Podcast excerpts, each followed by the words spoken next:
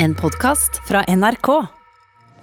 Det er alltid deilig å komme godt i gang. Det gikk jo sånn rimelig bra ganske lenge. Høsten 1999 overtar Egil Drillo Olsen som manager for den engelske Premier League-klubben Wimbledon. Uh, Wimbledon ville ikke spille fotball. Laget får kritikk for defensiv spillestil. Det var, det var en klassisk uh, Drillo-forestilling. Helt jævlig å se på. De norske milliardærene Kjell Inge Røkke og Bjørn Rune Gjelsten eier klubben, som kjemper for å klare seg i engelsk eliteserie. Det er bare én ting som gjelder akkurat nå, og det er å overleve. Sometimes you win, sometimes you lose.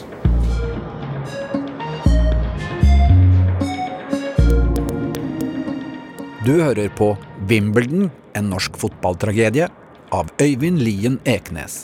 Andre og siste del.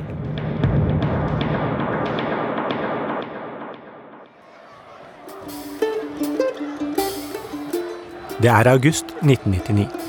Egil Olsens Wimbledon har motbevist tvilerne og vunnet åpningskampen i Premier League. I feiringen som oppstår, blir Drillos gummistøvler stjålet og satt fyr på i garderoben.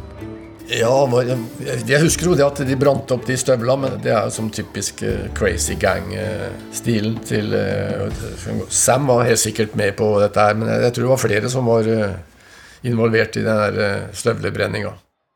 Det er jo artig, da, at The Crazy Gang prøver jo å vise Drillo sin Crazy Gang Spirit med å brenne støvlene hans i garderoben.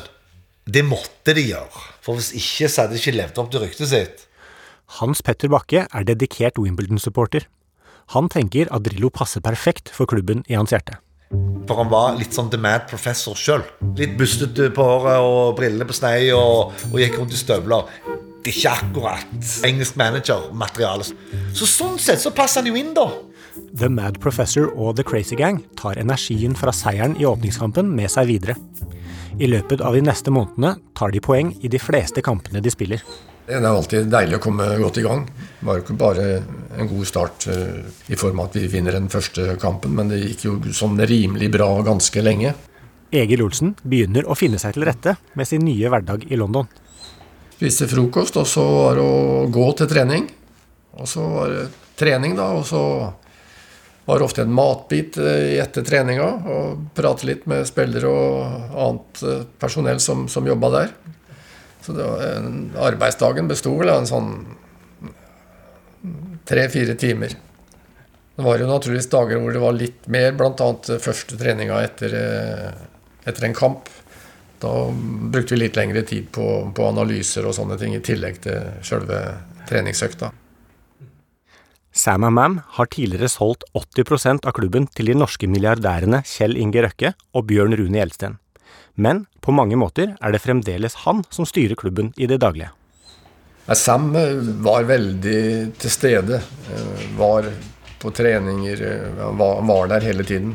Så han levde og ånda for, for, denne klubben og brukte all sin tid på, på, på Wimbledon. Så var jo med på alle kamper og på bussturer. Og vi fløy jo aldri, vi bussa. Og på bussen så spilte vi jo kort da, ofte, og Sam var med i det kortlaget. da. Satt med et kortbord og spilte kort, spilte whist.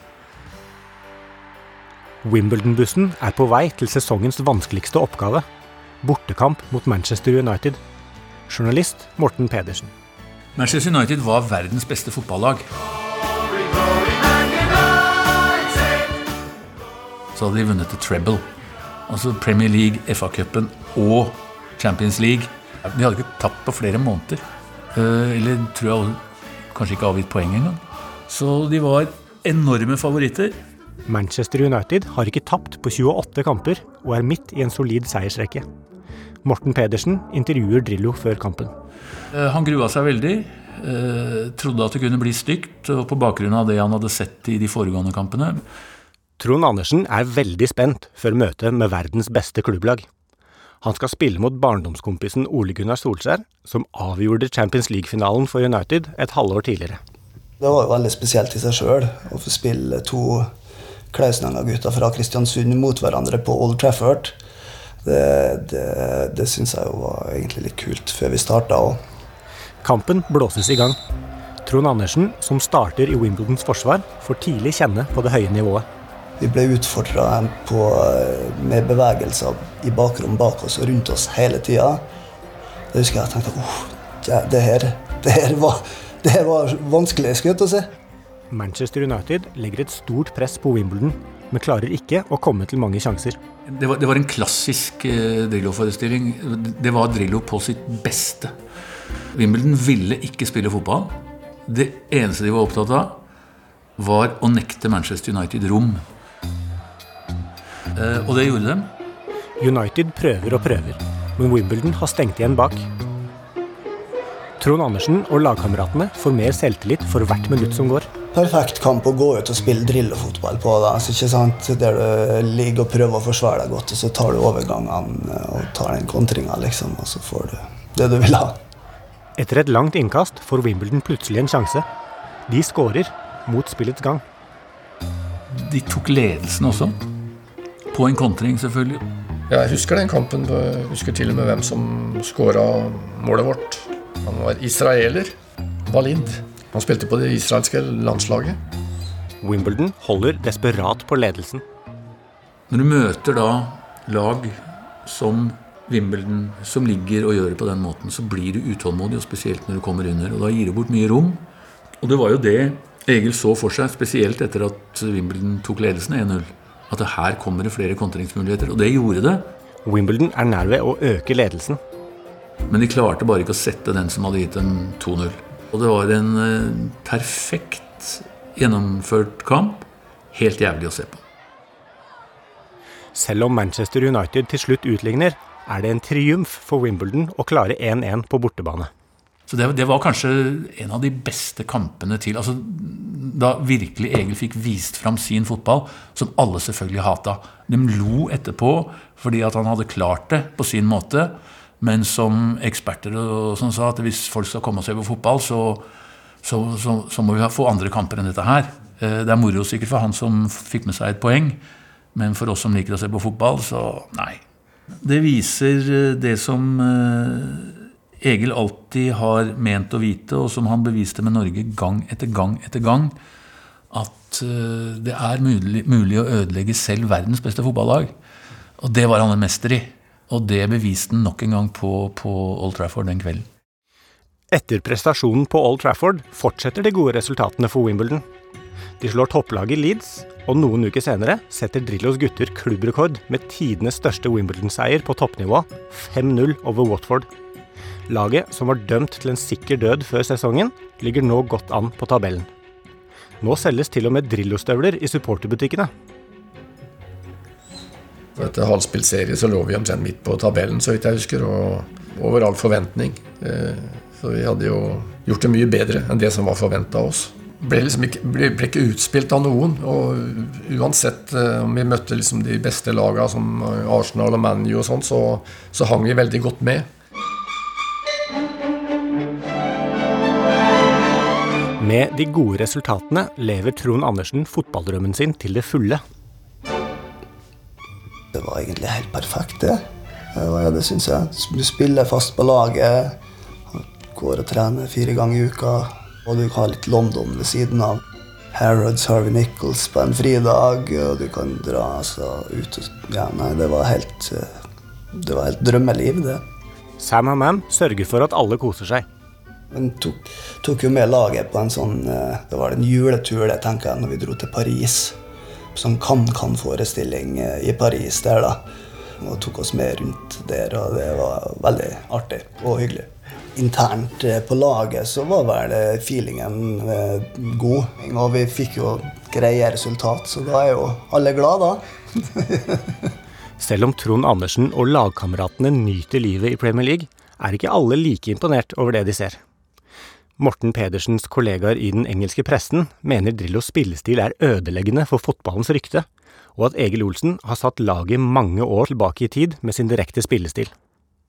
Eh, sånn i media i forhold til hva eh, Wimbledon viste fram på en gjennomsnittsdag, så, så satt jeg på mange pressetribuner hvor, eh, hvor folk jeg holdt på å si nærmest vendte seg bort i avsky. Altså, de sa at dette her Det, det, det kan jo ikke bli verre. I februar forsterker Wimbledon laget med nok en nordmann. Wimbledon vil kjøpe Molde-spilleren Andreas Lund. Egil Olsens klubb må betale om lag 35 millioner kroner for Molde-spissen, som kan få spille for Wimbledon allerede mot Chelsea lørdag, hvis han passerer legesjekken. I nabooppgjøret taper Wimbledon 3-1, men det er ikke resultatet som får mest oppmerksomhet. Etter kampen mellom Chelsea og Wimbledon lørdag oppsto det masseslagsmål i spillertunnelen på stadion. Ifølge britiske aviser deltok 16 spillere og flere trenere i tumultene. Wimbledon-manager Egil Olsen skal ha blitt presset opp mot veggen da bråket startet. Så vidt jeg har fått eh, forklart uh, opptakten til det, så var det Dennis Weiss som uh, først hadde slengt noe dritt til uh, Kenny Cunningham, og så hadde han spyla noe sånn juice opp i ansiktet på han. Min bekymring var brillene mine, at de skulle gå, for de er litt avhengig av. Kan ikke ha vært noe særlig involvert i den der, for den, den, den har jeg ikke noe klart bilde av. Selv om det har gått brukbart sportslig, begynner stemningen å bli dårligere mellom de norske eierne og Sam Hammam. Han har styrt klubben på sin helt egen måte siden 70-tallet. Men nå bringer Røkke og Gjelsten inn sportsdirektør Svein Bakke for å gå nøye gjennom hvordan klubben drives. Dette gjør Sam Hammam rasende, og i februar kommer nyheten som skal forandre alt. Bjørn Rune Gjelsten overtar som ny styreformann i fotballklubben Wimbledon etter at Sam Hammam trakk seg i dag. For omkring 100 millioner kroner har libaneseren solgt sine 20% av aksjene til Gjelsten. Trening som vanlig i Wimbledon, men i kulissene var det mer dramatisk. Styreformannen libanesiske Sam Hammam har bygget opp Wimbledon fra grunnen av. Siden 1997 har han samarbeidet med Bjørn Rune Gjelsten og Kjell Inge Røkke. Nå overtar Gjelsten som styreformann. En tydelig sliten og prega Sam Hammam sitter foran et stort pressekorps i Wimbledons lokaler. Wimbledon, more than any club, needs to be loved. And any kind of love without passion is no kind of loving at all. For the last few months, we've had at least from my point of view, a bit of a traumatic period. Sam Hammam forteller at mangel på harmoni mellom han og de norske eierne er grunnen til at han nå velger å forlate Wimbledon.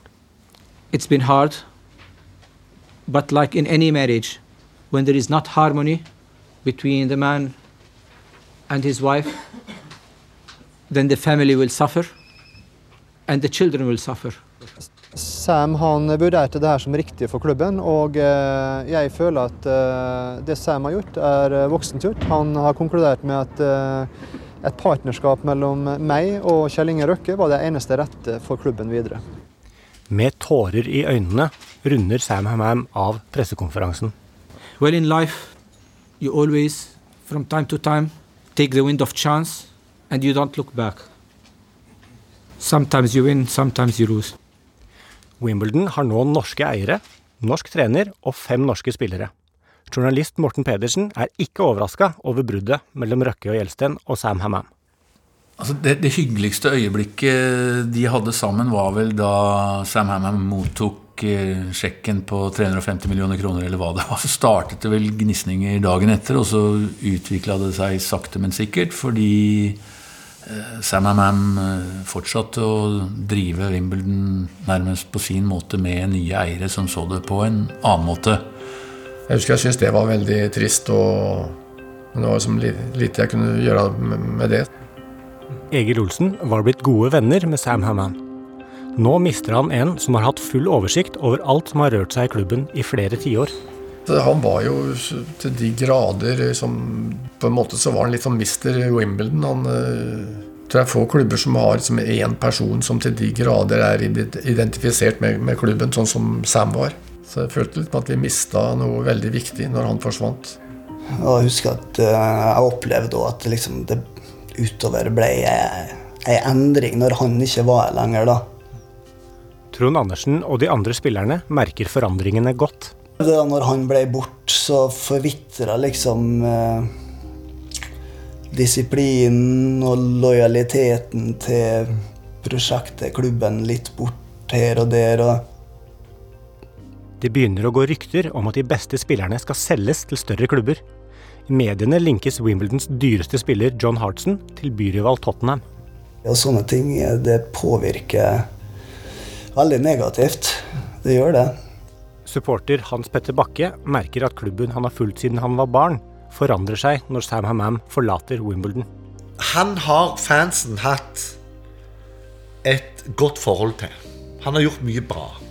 Så når han forsvinner, så forsvinner det siste element, ledelseselementet, som var det opprinnelige Crazy Gang. Det forsvinner. Det, livet måtte jo gå videre, og vi måtte jo fullføre sesongen uten uh, Sam. Ja, Det ble en uh, vond dag for Wimbledon og Egil Olsen i engelsk eliteserie i dag. Kampen mot Derby tapte det norskeide laget med ikke mindre enn 4-0.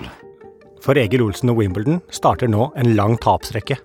Det gikk ikke så bra for Drillo sitt lag. I kveld så slo Westham Wimbledon 2-1. Og Wimbledon har nå bare fire lag bak seg i den engelske eliteserien. Wimbledon har verken marginer eller resultatene med seg. Egil Olsen er frustrert. Han føler at spillerne ikke får betalt for innsatsen de legger ned. Et par av de var jo da til og med sånn, om ikke det var ran, så iallfall et par av de som var veldig uheldige. De vinner kampen klart i, i sjanser, og så taper vi. Vi hadde sånn marginer imot i et par kamper. Ganske kraftig. Ydmykelsen ble fullkommen for Egil Olsen da Harry Kewell fikk gjøre som han ville i Wimbledons straffefelt, og sørget for at Egil Olsen tapte 4-1. Jeg husker jo den lange rekka med tap kom, at det ble tøffere, og motgangen prega naturligvis miljøet der òg. Og den grad det var liksom antydning til motforestilling mot måten vi spilte på, så blir jo den tydeligere når du taper. Med de dårlige resultatene er ikke pressen nådig mot Drillos kyniske spillestil. Journalist Morten Pedersen. I en uh, fotballnasjon hvor man dyrker the beautiful game, så kommer Egil Olsen og, som overhodet ikke bryr seg om noe ved fotballens estetikk. Det handler om å vinne. Og da han ikke klarte det heller, så er det ikke noe rart at kritikerne vendte seg mot den. Egil Olsen forsøker å holde pressen på avstand. Det ble jeg råda til av alle som hadde litt peiling på engelsk presse. Og liksom å holde deg unna media og avisene. Så jeg leste veldig lite aviser. Men det var jo pressekonferanse etter hver kamp. da, Det, det kom de jo ikke unna. Prøvde jeg å si så lite som mulig. Engelsk presse er jo da, som sikkert de fleste er klar over, atskillig verre enn en norsk presse. Media kaller Drillo-stilen for steinalderfotball og søppel. Wimbledons legendariske spiller Winnie Jones er lei av alle nordmennene. Trond Andersen. Derfor ble liksom det altfor mye nordmenn. og Vinnie Jones er ute i avisa og melder at hvis han hadde vært der, så skulle han kaste alle nordmennene i elva og alt sånt der, ikke sant? Wimbledon er på vei mot nedrykk. Nå begynner misnøyen med Drillo-stilen å spre seg blant spillerne i garderoben. Det var vel litt sånn kritiske røster blant spillere, og det, det, det dukka opp etter hvert når vi taper og taper og taper, naturligvis. Vi begynte liksom å nærme oss uh, nedrykk etter hvert som tapa kom uh, på rekke og rad. Og så, så, husker jeg at noen av de engelske sa liksom at vi savner litt den der frykten for manageren som de var vant til fra før. Og det var noe som vi nordmennene egentlig vi himla litt på øynene av det, liksom. Fordi at det er kanskje ikke noe vi er vant med fra Norge. At du skal ha en, liksom, frykten for han som gjør at du er ute og presterer. Til NRK Brennpunkt forklarer en paff Egil Olsen situasjonen. Det største sjokket det, det var at jeg fikk kraftig kritikk fordi jeg ikke smalt i dører og kasta medisinkofferten og sånn etter at vi hadde tapt. For da var de vant til å få så øra flagra og vær så det. Og når jeg sa at liksom, dette er beklagelig og vi får snakke om feila vi gjorde på neste trening, så satt de der som store spørsmålstegn og, og mislikte det. Wimbledon-fansen vil bli kvitt Egil Olsen. Han ble kraftig pepet ut etter tapet for Sheffield Wednesday i går. Nå går det dårlig. Spillergruppa vil ha kjeft. Supporterne vil vinne kamper, og media kritiserer spillestilen. Men Egil Olsen har fortsatt troa på prosjektet. Elendigheten fortsetter for Egil Olsen og Wimbledon. I går ble det et nytt tap for Drillos gutter, men Egil Olsen mener at han fortsatt har tillit fra styret i klubben. Ja da, det samarbeidet er bra. Så eh, nå er det opp til oss å brette opp eh, armene og, eh, og ro dette her i land. Det er det den situasjonen vi har kommet i, at det er bare én ting som gjelder akkurat nå, og det er å overleve. Vi begynte å skjønne at okay, det, det, dreier seg også om nedrykk. Så kom det også litt sånn initiativ fra, fra spillergruppa og en liten prat blant spillerne liksom, for å prøve å få samla oss til å få de nødvendige resultatene. For vi hadde jo gjort så bra tidligere på året. Egil Olsen er tilhenger av å se bak resultatene, men det hjelper lite i engelsk fotball. Wimbledon er utslått av FA-cupen og ligger bare seks poeng over nedrykksstreken. Kampen mot Bradford om to uker kan bli avgjørende for Drillos framtid. Eh, sannsynligvis så blir den eh, Bradford-kampen eh, veldig avgjørende. Wimbledon har tapt sju kamper på rad. Allerede før kampstart er det høy temperatur mellom John Hartson og en av spillerne på det andre laget trang, trang garderobe og trang, trang gang. Men da eskalerer jeg litt før kampen, til og med, da, mellom to av spillerne. John Hartsen, som er kaptein, som går rett inn og bam! Jeg lurer på om han rett og slett kjørte kneet opp i skrittet på han, eller noe i den stilen der, altså. Fysisk eh, angrep, overtenning, før kampen. Wimbledon-spillerne virker nervøse, og verre blir det etter en tvilsom episode i egen 16-meter. Problemet er et straffespark som er helt fantastisk. Det som skulle vært en corner, blir straffespark til Bradford. Det er et innlegg fra sida som mener det var Ben Thatcher. Ballen sneier overarmen hans, og så, så, så går han til corner. Og han som slo inn fra, fra, Bradford, han som peker han vil ha corneren, ikke sant? men han får ikke corneren. Han får straffespark. Det var det første målet til Bradford. Det husker jeg veldig godt. Og så får vi jo John Harson utvist etterpå. I tillegg til straffe imot får Wimbledon en mann utvist for utskjelling av dommeren. Bradford vinner den viktige kampen. Men ellers er Drillo fornøyd med prestasjonen til eget lag. Vi, ta, vi taper jo 3-0. I en avis, i engelsk avis så hadde det stått etter kampen at dette var en typisk 3-0-kamp, men det var det gærne laget som vant 3-0. Vi, vi, kjørte over dem i to omganger, faktisk. Så det var en forferdelig kamp. En kamp vi var faktisk ganske gode, og taper 3-0. Journalist Morten Pedersen er ikke helt enig. Det var ikke bra nok. Det virka ikke, det de prøvde på. De andre skåra tre. Uh, Wimbledon skåra null. Det var som om du nærmest så at laget forvitra. Vi skal se to uh, resultater av to kamper i engelsk eliteserie. Bradford-Wimbledon 3-0, og eh, det tyder at eh, Wimbledon er i nedrykksposisjon når det står to kamper igjen i serien. Det er tidlig morgen etter kampen mot Bradford. Wimbledon har nå tapt sin åttende kamp på rad, og er for første gang under nedrykksstreken på tabellen. Styreformann Bjørn Rune Gjelsten møter opp på døra hjemme hos Egil Olsen i London. Han kommer ikke med gode nyheter. Da var det slutt. Så er eventyret over. Norges første og eneste manager i engelsk Premier League, Egil Drillo Olsen og hans assistent Lars Kjernås ble i går sparket fra The Crazy Gang, norskeide Wimbledon fotballklubb, med øyeblikkelig virkning. Avgjørelsen ble tatt etter søndagens bitre 3-0-tap for Bradford. Nei, altså Det var ikke noe bombe da når du får sparken når du taper en hel haug med kamper på, rad. så Gjelsten bare kom hjem og sa at de skulle skifte manager. Ikke lenge etter er Dagbladets Morten Pedersen hjemme hos Egil Olsen. Da var han tom. Altså Det var ikke mer igjen av han da han sånn helt uh, gikk rundt og visste ikke helt hva han skulle gjøre. Du så han hadde det vondt. Og vi sto ute i gangen i huset der, og han uh, Jeg husker han var veldig lei seg. Eh, han følte seg dårlig behandla. Og han var fortsatt overbevist om at gitt sjansen, så kunne han snudd det rundt de to siste kampene og klart å beholde plassen. Lurer jeg på om han spurte om jeg ville ha et glass konjakk, for han uh, trengte noe å styrke seg på sjøl. Det var en veldig rar ettermiddag. Uh, og jeg husker da jeg også kjørte hjem og tenkte i ettertid at det her er Nå har jeg sett den sida av Egil Drillo Olsen òg. Fra å ha blitt hylla i ti år i Norge og stort sett bare hatt oppturer, så eh, ser vi nå en Egil Olsen som ikke er god nok.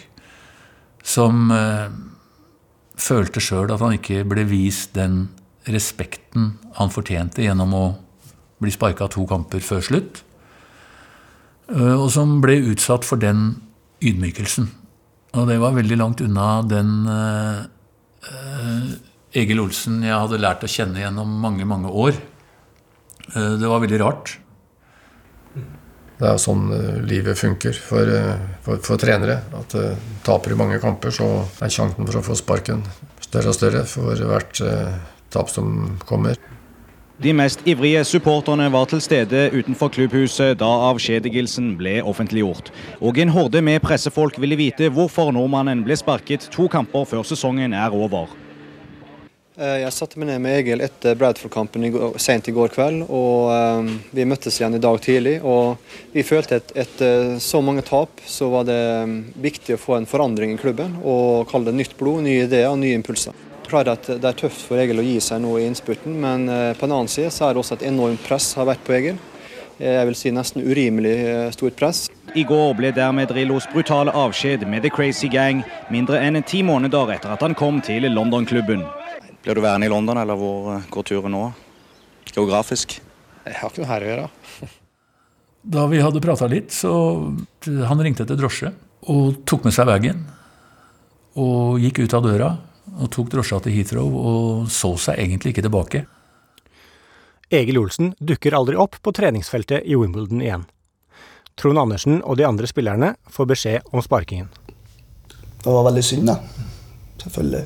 Jeg var jo glad i en Egil, og han hadde jo henta meg over dit, så det var jeg jo takknemlig for. Jeg tror en Egil var ganske avhengig av å han Sam Hammond der, fordi at Egil er den han er, og gjør den jobben han gjør, som er fotballfaglig, og at som trener, skulle jeg til å si. Og så trenger ikke så lenge Sam Hammond var, som holder disiplin på og passer på og holder folk på plass, så var jo det en fin kombo.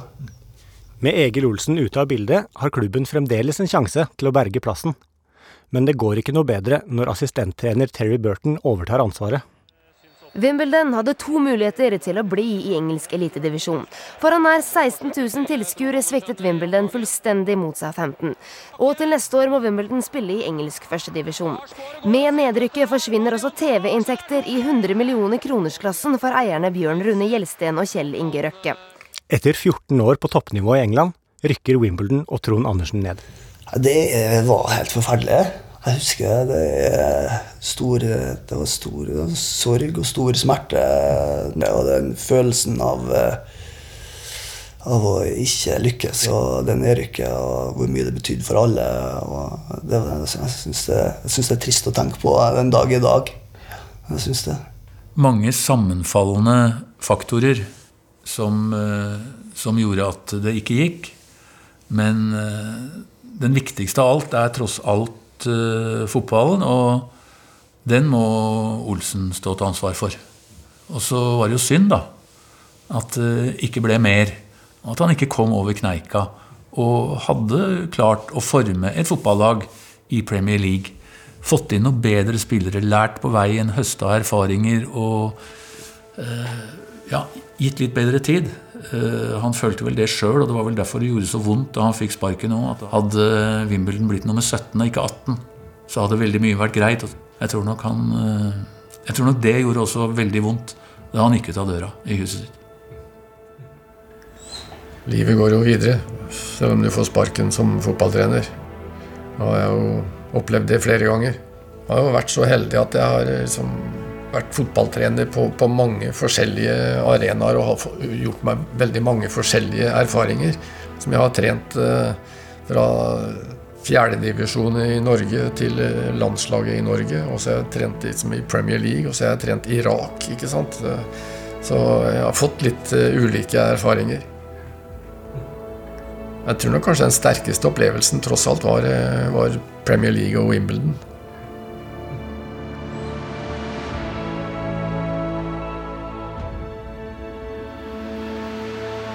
Trond Andersen blir med Wimbledon ned i førstedivisjon. Planen er å rykke rett opp igjen til Premier League, men det er lettere sagt enn gjort. Til å begynne med første året i førstedivisjonen der, så var det ok, da hadde du litt håp og tro. Mange av samme spillerne tenkte ok, få til noe bra her nå, så kan vi komme oss opp igjen. Men parallelt med det der så, så starter jo klubben sine planer om flytting.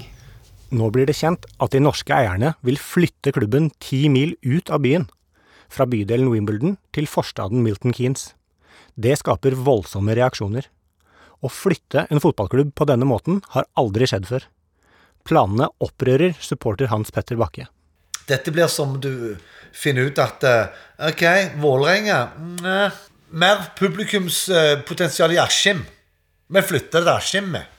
Og så skal du forvente at, at klanen reiser til Askim for å se på fotball en gang og to i uka? Hallo! Da lever du i en sånn Never Never-land. Altså, da, da er du på lag med Michael Jackson, liksom. Hans Petter flyr fra Stavanger til London for å protestere med de andre supporterne. Så sto vi faktisk og snudde ryggen til hele fotballkampen hele kampen. Jeg vet ikke om jeg hadde lyst til å snu meg en gang og se på. Wimbledon klarer ikke å rykke opp til toppdivisjonen igjen. Det blir svake resultater og stadig tommere tribuner. Klubben og det rundt laget ble gradvis ribba fra, fra år til år. da. Han som var keepertrener når jeg kom, han var eneveldende manager når jeg dro. Etter fire år i klubben forlater Trond Andersen et ødelagt Wimbledon som siste gjenværende norske spiller. Han fortsetter karrieren i Danmark. Da hørte man, hørte man svensken som, som sa han bestilte a, a bloody beef. Vet du hva kelneren svarte da? Do you want some fucking potatoes as well? Fy faen, han er fra Hedmark, og det hører vi. Det populære TV 2-programmet Sommerøya ledes av de tidligere politikerne Sigbjørn Johnsen og Torbjørn Berntsen. Her er Kjell Inge Røkke gjest. Han blir spurt om hvorfor de kjøpte Wimbledon. Wimbledon var i grunnen herr Gjelsten som ville ha en, en fotballklubb borti London. Bort til London. Og vi hadde ikke råd til det største og det beste, så vi kjøpte jo det bortimot det dårligste. Vil de, ja, jo, jo, ikke sant. Altså, I London du kunne, du ha ringt til meg, så har jeg sagt at uh, i hvert fall ikke Wimbledon, for det er stort sett bare ett lag i London, og det er Tottenham Hotspurs. ja, men det er faktisk enig med deg i. og det er verste Så da gikk jeg på tvers av min egen overbevisning, og vi kjøpte Du lot de overtale der, altså? Ja. Med et tap på nærmere en halv milliard kroner selger Røkke og deretter Gjelsten seg ut av klubben. På nytt en sekk med penger i Ja, de penga, ja, de penga er til bekymring for for fattig og for rik. Den hadde jeg Den satt. Sommeren 2004 flytter den over 100 år gamle klubben Wimbledon ti mil ut av London og endrer navn til Milton Keynes Dons. Men Wimbledon-fansen blir ikke med på flyttelasset. I protest stifter de gamle supporterne en ny klubb under navnet AFC Wimbledon. Så rykker de ut eh, annonser. Eh, vi skal ha Open Trials. De som er bra, de får være med på fotballag, og det er helt nytt. Over 300 møter opp til prøvespill. Kort tid etter har nye Wimbledon sin første kamp på laveste amatørnivå. Men det var på Gander Green Lane, det var mot Sutton United. Eh, og eh, kickoff var delayed med tre kvarter, for det sto et par kilometer kø ut forbi for folk som ville inn. AFC Wimbledon samler tusenvis av supportere og rykker oppover i ligasystemet. Sesongen 22-23 spiller de på nivå 4 i England. En hovedrival er Milton Keynes Dons i divisjonen over. Ser du på nå, så er det en blessing in disguise. For nå er vi der. Og vi eier klubben, og nå er det vi som bestemmer. Dette var starten på et helt nytt eventyr. AFC Wimbledon, som jeg aldri ville vært foruten. Forever and ever we'll follow our team. We're Wimbledon AFC, not Milton Keynes. We'll never be mastered by Norwegian bastards. We're Wimbledon AFC, not Milton Keanes. Så ut av et mislykka norsk forsøk så kom det en nydelig ting. Og det var AFC Wimbledon. For det, Røkke og Gjelsten, så takker jeg dere.